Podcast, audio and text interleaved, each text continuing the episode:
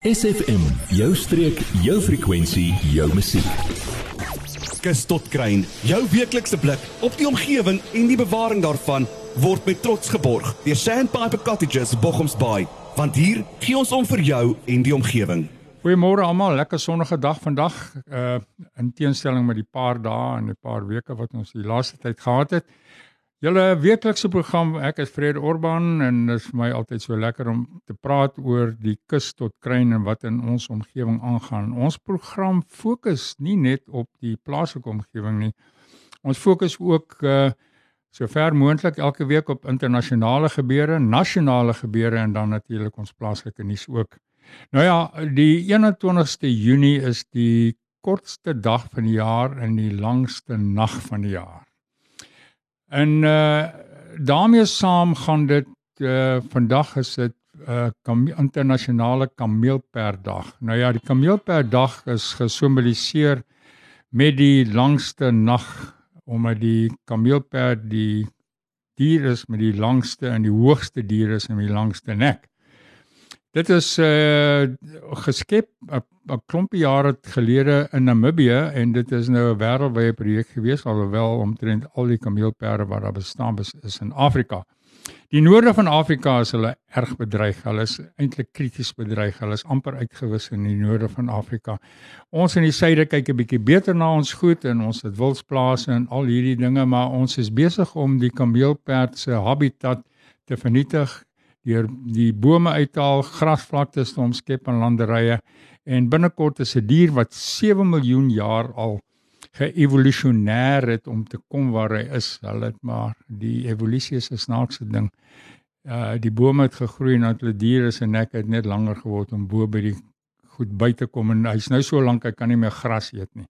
Nou ja, die uh die wêreld se hoogste dier sou ek gesê het, hy's omtrent uh 6 meter hoog Dis twee verdiepings. Dis geweldig hoog.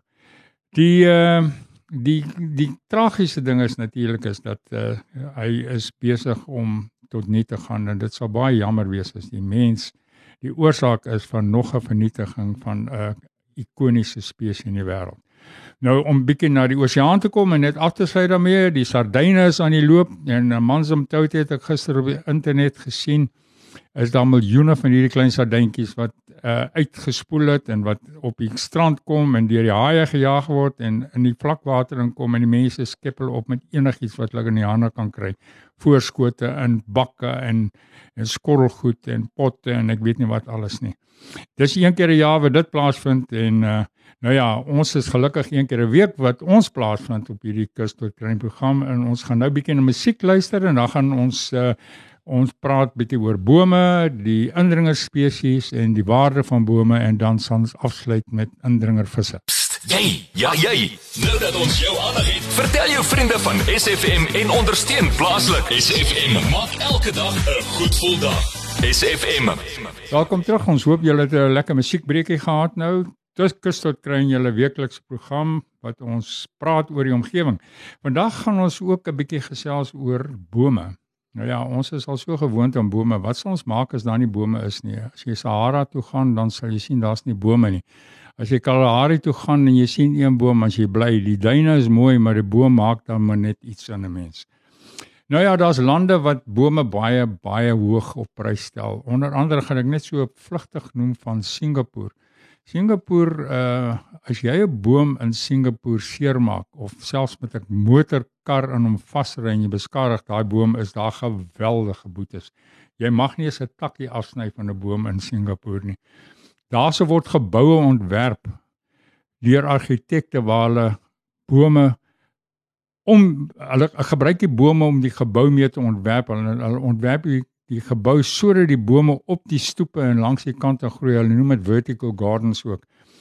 So bome word hoog aangeskryf in Singapore. Hierdie maand, Julie maand is eintlik 'n uh, 'n groen maand in Singapore en alles gaan oor bome en oor plante.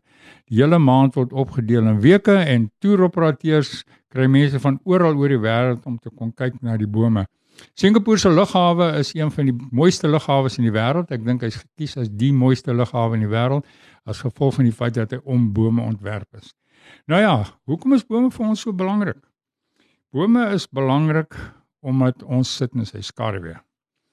Dis die basis van baie lewe. Dit is ook 'n 'n struik wat die wat die aarde met sy wortels verbind aan die kom ons sê die hemelruim met sy takke. Dis 'n kulturele en 'n spirituele ondervinding om onder 'n boom te sit en na 'n boom te kyk en te luister na 'n boom. Dit is beskerming. Kyk ons bosveldbome. Wie het al gehoor van die uitdrukking Karuma Katiti? Jy gaan sit onder 'n kameeldoringboom met jou rug teen die boom en jy kyk vir die wêreld in die bosveld om jou. Wat sal ons maak as die tuinrite in die bome het nie? Dis 'n hy tuiste vir voeltjies en insekte. Dit is ook as 'n boom omval, dan skep hy 'n nuwe uh, lewe deurdat die die vlei uit die boom wortel vervrot en dit uh, maak goggatjies en dit dit uh, bied skaduwee en dit bied ook uh, voedsel vir enige ander groei wat daar aankom. Dis windbeskerming. Dis 'n dis 'n tuiste vir so baie diere. Dit maak ons rustig. Die krag en die uitdruklike kalmte wat 'n boom vir ons gee, uh, is net iets wat nie te beskryf is nie. Ons uh, ons hou almal van die see, maar ons verlang soos ons na die see verlang, verlang ons ook na bome. En dan natuurlik moet ons ons bome oppas. Ons gaan nou in die volgende insetsel net 'n bietjie gesels oor die uitheemse bome en bome wat ons hier het want 'n boom is belangrik om te plant, maar ons moet net sorg dat ons die regte bome op die regte plekke plant. Ons gaan nou na 'n bietjie musiek luister en dan weer terug na die indringerbome in die struike. Word deel van ons Facebookblad vandag nog facebook.com vorentoe skuinstreppie sfm streek. 'n Mooi stem is maar soos 'n mooi boom. Dit het sy sekere charme wat dit en sekere romantiek wat dit skep. Nou ons praat bietjie oor uh bome en uitheemse plante in ons uh, lieflike tuinroete. Die probleem met baie van ons mense is ons kom van die noorde af. Ek kom self van die noorde af en dan bring jy wat in die noorde vir jou mooi was, bring jy af hiernatoe. En as dit nou 'n boom is wat jy baie lief vir was daar, dan bring jy hom hiernatoe en dit uh, het die oorsaak dat uh ons tuinroete se bome word vervang stadig maar seker deur uitheemse struike en bome. George munisipaliteit het nou 'n uh, projek aan die gang waar hulle die kanna uh dis hierdie mooi blom wat jy kry. Dit's nou wel nie 'n boom nie, maar is 'n struik, is 'n struikboom eintlik. Uh kanna was 'n mooi blom en mense het hulle in hulle tuine geplant en as hulle moeg is vir die kannas, dan gooi hulle sommer oor die draad en groei hulle daar, hulle spoel af met die riviere en uh dit veroorsaak dan groot probleme want dit is 'n indringerspesies en indringerspesies het die uh, vermoë om te vermeerder omdat hulle nie 'n natuurlike vyand het nie. Waar hulle vandaan kom, het die natuur gesorg dat daar natuurlike vyande is wat hulle intome. Hierso word dit nie gedoen nie want die is nie natuurlike vyande nie. Die enigste natuurlike vyand wat hier is, is die mens. Maar wat gebeur met 'n uitheemse struik en uitheemse boom?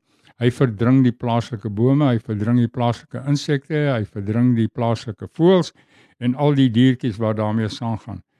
Ehm um, in baie en in meeste gevalle is dit strafbaar om 'n 'n indringerboom wat nou baie krities is om nie voort te plant nie. As jy dit in jou tuin voortplant, kan jy baie swaar beboet word daardeur. So moet dit asseblief nie doen nie probeer uitvind by jou plaaslike owerheid en die hulle parke afdelinge en ook by die uh, in ons geval in die tuinroete waar die botaniese verenigings vir julle kan uh, inligting gee daaroor en baie kwekerye wat uh, dat ook net inheems plant en inheems versprei. Die uh, dis belangrik want uh, inheemse bome kan ook baie water drink. Kom ons noem net 'n paar van die uitheemse bome wat ons nou so baie aangeplant het uh omdat dit mooi was en omdat dit skare gegee het. Daar's die black wattle. Uh, die meeste van die name is natuurlik in Engels black wattle. Weet jy wat dit is? Dit groei die riviere toe. Dan jy die blackwood, die blackberry, die bugweed, canna soos ons nou nog genoem het, die European elder lantana. Dis 'n mooi boom, maar hy uh, versprei verskriklik uh, vinnig omdat uh, voëls eet sy kos en sy saad en dan versprei hulle dit op daai manier die lukwa, die mothcatcher, die madeira vine, pampas grass, die Swordfern, Wild Ginger, Morning Glory en dan die uh, natuurlike rooi krans is ook deel van die hele probleem.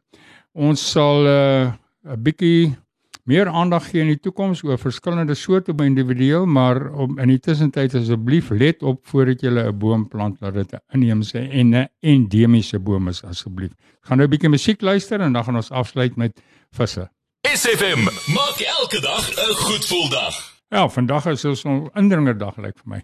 Uh ons praat nou 'n bietjie net vinnig oor indringervisse.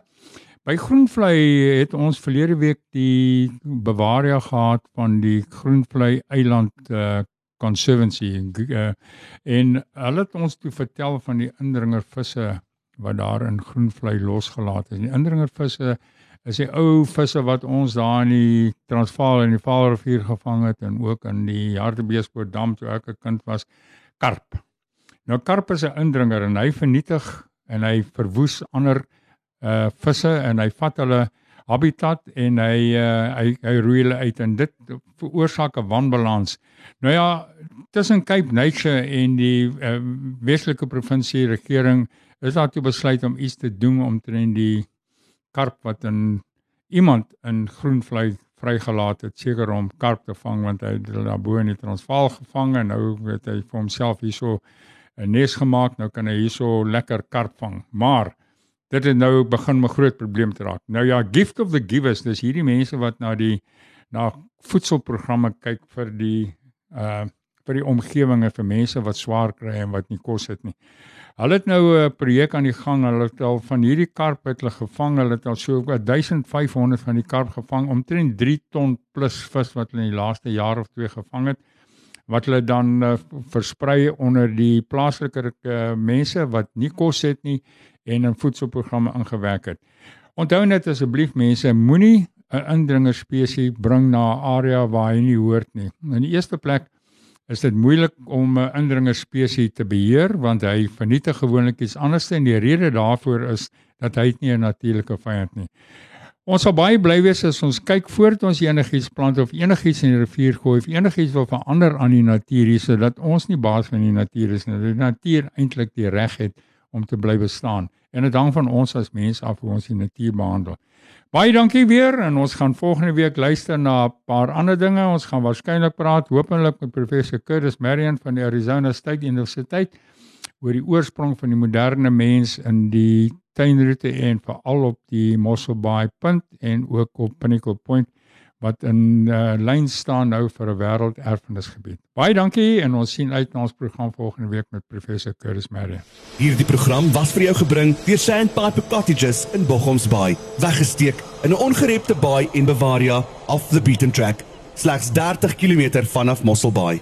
Kontak Sandpiper Cottages via die webwerf sandpiper.co.za of per WhatsApp 081 071 6735. Adverteer jou besigheid vandag nog op SFM. Vir meer inligting skakel SFM gerus by 044 801 7811.